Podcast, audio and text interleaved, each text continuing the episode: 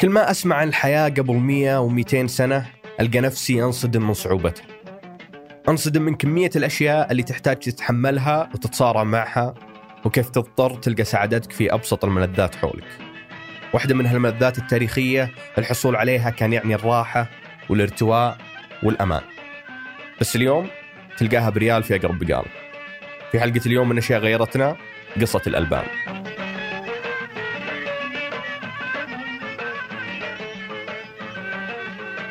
يا هلا أنا مازن العتيبي وهذا بودكاست أشياء غيرتني. في كل حلقة أجلس مع المؤرخ الاجتماعي منصور العساف ونستعرض شكل من أشكال تغير المجتمع السعودي. لو رحت الحين البقالة اللي جنب بيتكم أو السوبر ماركت اللي موجود في حيكم بتلاقي كم هائل من منتجات الألبان. وهذا بيظهر لك أنه امتداد تاريخي لعلاقة العرب الطويلة باللبن. بس عمرك تساءلت ليش اللبن اللي يستهلكون السعوديين اليوم هو لبن أبقار؟ بالرغم من أن أغلب أجدادنا ما كانوا يعرفونه. ليه هم ما تاجروا في ألبان الخلفات مثلا؟ و السبب لأن أصحاب الإبل أفضل حاجة عندهم أنه يشربوه طازج. طبعا المزاج ما هو السبب الوحيد لعدم رواج بيع لبن الإبل والألبان بشكل عام. من المعيب عند العرب أن يبيع اللبن. اللبن يهدى للضيف أو الطرقي. فاللبن لا يباع. اللبن تجود به للضيف أو أو عابر السبيل إلى آخره. وكان كل أسرة عندها. في البادية الإبل النياق والحاضرة بعض الحاضرة حتى الحاضرة كان عندهم الإبل أو الماعز. خصائص طبعا أنه أحد ال إحدى الشاعرات آه، في أثناء الحج قبل تقريبا حول 90 سنة مرت وجدت في مكة أحد فترة الحج آه، يبيع اللبن. فاستغربت كيف يباع اللبن؟ فقالت أبيات معروفة شعبية. تقول يلي تنادي باللبن ما لنا فيه. هذا اللبن في سد علبة ملاوي. اللبن في سد علبة ملاوي. خشم الينوفي والحوم بارك فيه مرب خلفات عليها العطاوي. ومبهل وبالحيران كانت غويه مرتاع بدو ما تلاهم شواوي. وواد الجرير اللي يحدر من علويه وخشم ذنيبه والجديب متساوي ترد عيسه والحفاير حرويه مربع خلفات ترب المطاوي تلقى مسرون بد بشرات عن في بر التعلي يذبحن الهواوي طيب شلون وصلنا هنا؟ شلون تحول اللبن من شيء عيب ينباع إلى أحد أهم المنتجات في السوق السعودي؟ أشياء كثيرة غيرت في تعاملنا مع اللبن. أولها جاء بعد توحيد المملكة. الألبان في المملكة بدأت مع بعد توحيد المملكة بثلاث سنوات، يعني في عام 1354 أقر الملك عبد العزيز آه، مشروع آه، الخرج الزراعي وهو مشروع ضخم ضخم جدا وكان هو التحدي الأقوى والأول في المنطقة الوسطى قبل النفط. وكان يرغب منه الملك عبد العزيز أنه يكون ممول آه، للمنطقة واستقطبوا يعني خلينا بقول في الستينات الهجرية يعني الحين دخلنا على عقد الستينات بعد كنا في الخمسينات. الستينات الهجرية اللي هي الأربعينات الميلادية بدأ بن سليمان يستقطب كبار الخبراء أساتذة أساتذة الزراعة وبدأ يستقطب شركات وبدأ بجلب المعدات والأماكن وما يحتاج حفر آبار لأنهم اختاروا منطقة الخرج. ومن هالمشروع طلع لنا أول شكل تجاري للبن وهو اللبن الحكومي. كيف كان شكله؟ عليه كان كان يباع طبعا في آه، الأسر اللي يوصلهم بالمجان وزي كذا كان يجي بصميل وحتى كانت توصل بعربات مقطورة لبن صافي. وبعدين كانت توضع في آه، أكياس نايلون. ومع التطور بدأت توضع في كراتين. بس هالمشروع ما كان يعني بقاء الساحة فاضية وعدم دخول منافسين فيها. في الستينات الميلادية الثمانينات الهجرية بالضبط في المنتصف 85 65 آه تقريبا آه ظهر ألبان في سيهات للمطرود. مطرودي كان وضع مصانع حديثة للألبان. الألبان وسم البوظة والحليب والمنتجات حتى بعدين الجبن وخطوط الإنتاج الأخرى هذه والزبدة. فمن ضمن الألبان القديمة أظهر لبن اسمه لبن الخبر في الستينات. فلك أن تتصور كيف النقلة الاجتماعية بين ذاك العصر وهذا العصر. الإعلان عن عن اللبن هذا يتخلل عبارة غريبة في عصرنا هذا ما تقرأ يعني. على عكس ما كان في العصر ذاك. اللبن نفسه مكتوب عليه غني بالزبدة. بعد ظهور ألبان المطرود زاد عدد الشركات والمصانع اللي لقت فيها المجال إقبال كبير وانتشرت في مناطق المملكة. زي جمجوم في الغربية وألبان السيره في تبوك وألبان نجران في الجنوب وغيرها. ثم جت شركة تسيدت المشهد لفترة طويلة. ظهر لبن اسمه المشيقح من القصيم وانتشر انتشار كبير مرة فكان شبه يغطي بل كان الزحام يصل إلى أقصى أقصى الشارع لما تقف عربة المشيقح وتبيع الألبان يخرج الموظفين من الدوائر الحكومية وين يتوجهوا؟ يتوجهوا لثلاجات المشيقح تباع في الغرابي يوقفوا عند الثلاجات. المحل عند الغرابي الثلاجات عشان ما يزدحموا عند تصير تظاهرة كاملة عند المحل فتطلع الثلاجات هذه موزعة هنا وهنا. فيجوا تجمعوا عند ال ال آه، الثلاجات هذه. وتشوف كان يرمي اللبن كذا ياخذ الفلوس من بعيد في اثنين أو ثلاثة وياخذ الفلوس ويرميها عليه ويرمي كذا. شيء شيء كانت عبارة عن أكياس مختومة مغلقة بإحكام يعني فيها لتر من اللبن. كان في عام 98 99 ظهر المشيقح وتملك المشهد في في المنطقة الوسطى. حتى كان يصل للمنطقة الغربية. وسط هالانفراد من شركة المشيقح ظهرت شركة سنابل. شركة سنابل.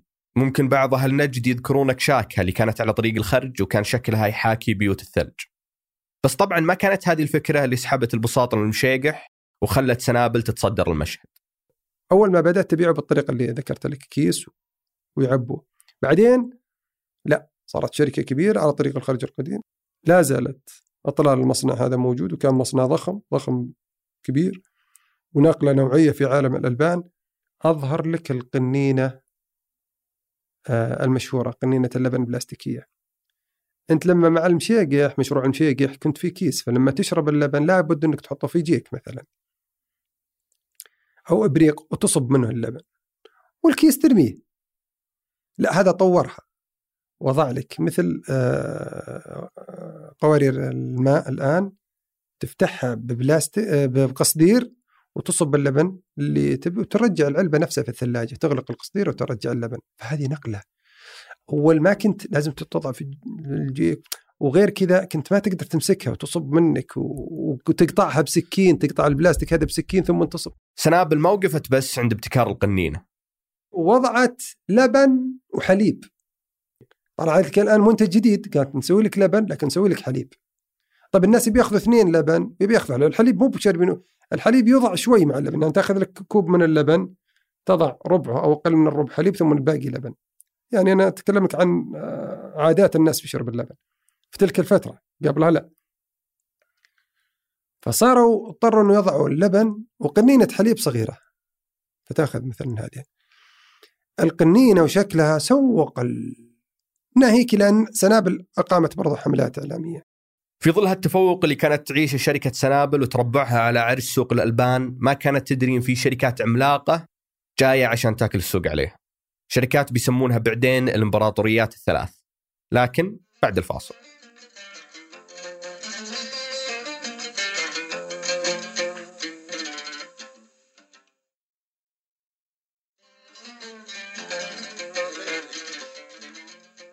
قبل الفاصل كنا نتكلم عن سنابل وتسيدها للمشهد وأفكارها الإبداعية اللي خلتها توصل هالمرحلة.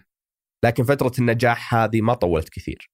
سنابل هالإمبراطورية اللي ظهرت واغلقت الطرق على ألبان مشيقح استمرت سنة سنتين وتظهر لها الصافي والمراعي بوقت واحد. المراعي والصافي ما كانوا هم بس اللي قفلوا الطريق قدام شركة سنابل. بعد مدة ظهرت شركة نادك هالشركات الكبار أو الإمبراطوريات الثلاث زي ما منصور يحب يسميها هي اللي سيطرت على المشهد من وقتها لين اليوم. زي ما نشوف في بقالاتنا. أبى أقول لك قصة مثلا المراعي وبرجع لك الصافي أه المراعي ماستوك كانت موقعة عقود مع وزارة الزراعة على أساس إنشاء مشروع للألبان والخضار ومشروع ضخم كبير كبير مرة مثل المشروع الزراعي الخارج لكن هذا المشروع بعد قبل أن يبدأ يعني حدث في مشاكل كثيرة ومعقدة جدا. حاولت يعني تنسحب ماستوك وبالأخير يعني القصة طويلة قصتهم طويلة ومعقدة جدا ومتداخله لكن في الأخير ما استكرمت بثقلها مع آه الأمير السلطان بن محمد والبان المراعي وش كونوا البان المراعي. والمشروع اللي كانت ال- وزارة الزراعة آه، تبدأ فيه. طبعا تعطل وصارت يعني تصفية كاملة. بعد سنين يبدو لي.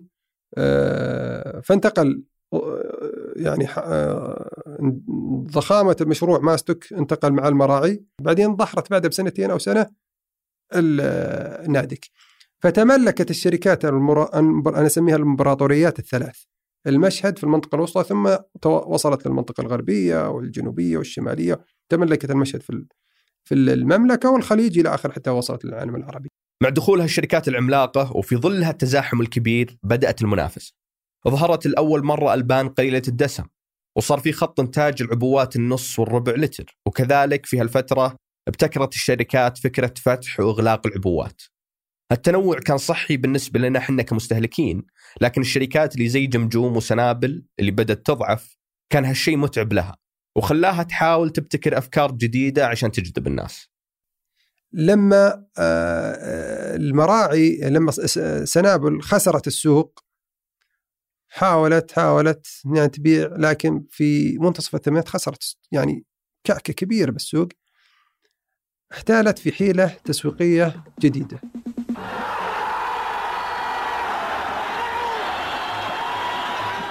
أظهرت لبن جديد اسمه لبن الهلال. كنت مرت علي أيوه أظهرت لبن ووقعت عقد مع نادي الهلال وبحركة تسويقية علشان تسوق اللبن. لبن الهلال لبن الأبطال في عام 1406 بدأت في آه، هذا المنتج توزيع هذا المنتج لبن الهلال. طبعا في المقابل ما هو شاربه واحد نصراوي.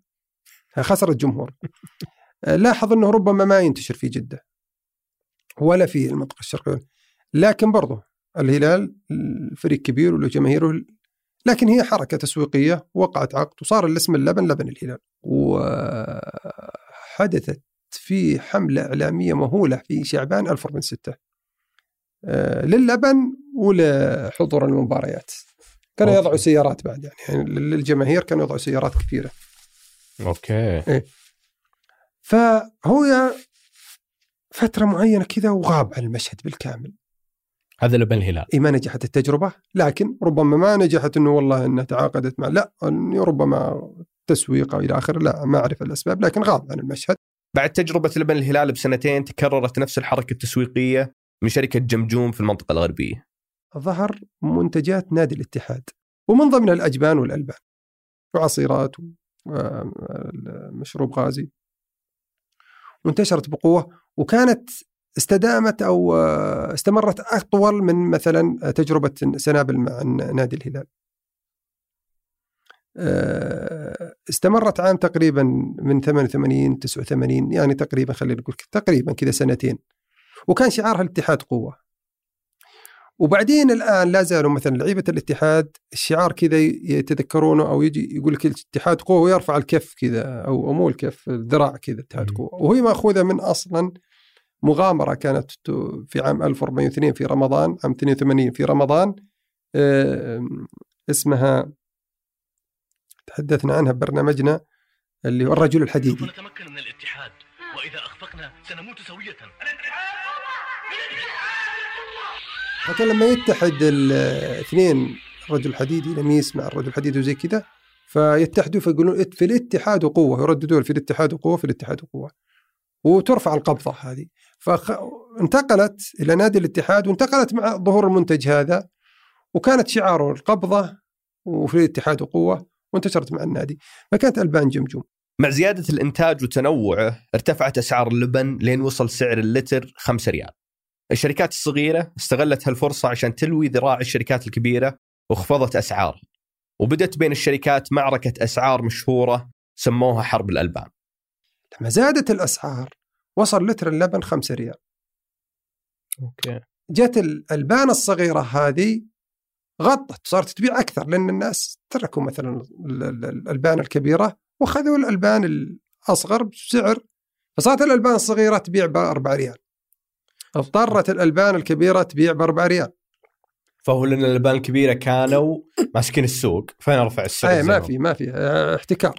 لكن يوم جت الالبان الصغيره اللي أنا أي. اضطر أنزل. الالبان الصغيرة ضخت فاضطرت تبيع ب 4 ريال اضطرت الالبان الكبيرة تبيع ب 4 ريال. بعدين باعت الالبان الصغيرة ب 3 ريال باعت الالبان الكبيرة ب 3 ريال. بعدين صارت معركة الالبان الشهيرة في عام 2018 معركة شهيرة تسمى معركة الالبان ملأت الصحف وملأ كانت حديث المجالس والناس والنخب وال آه، منتديات التجار والغرف التجارية. باعت الألبان الصغيرة بريالين اللتر. تحطيم الألبان الكبيرة يعني عندهم مسوغاتهم. إحنا جودة عالية إحنا المنتج هذا نخسر فيه كذا وكذا وكذا. والألبان الصغيرة ما هي نفس المواصفات هم يعني هذا حديثهم طبعا كلامهم.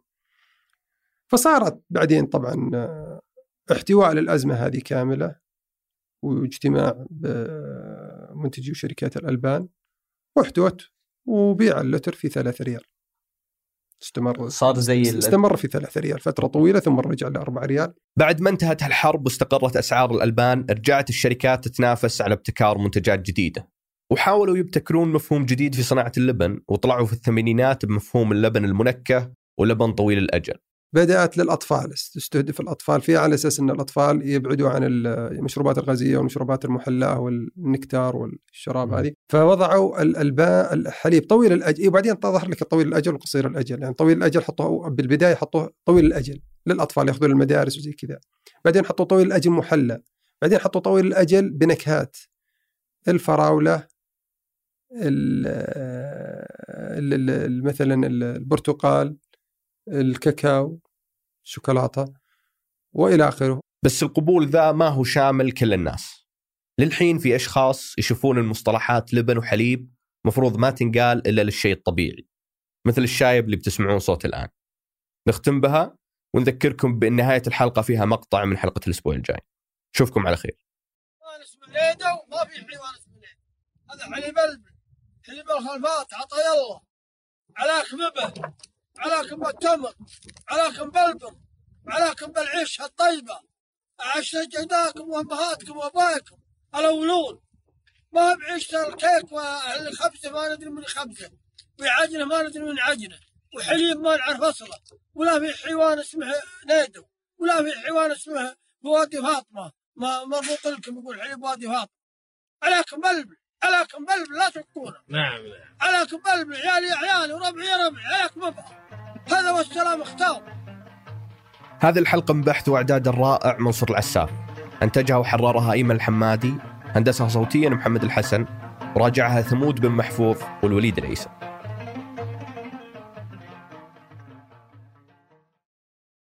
كأن الله سبحانه وتعالى لم يخلق قصص الجن إلا في المكان هذا. تبدأ الرجال يستعرضون بقصص الجن لا سيما يعني آه، كبار السن. ويقص مغامراته كأن في عن الجن والعفاريت والجن الأزرق كلها في الفترة هذه والأطفال متسمرين يسمعون. يا أخي راح اللي جنبك ذولا. ما في أي يعني اللي يسمونه هذا في العلم الجن تنمر على الأطفال كذا.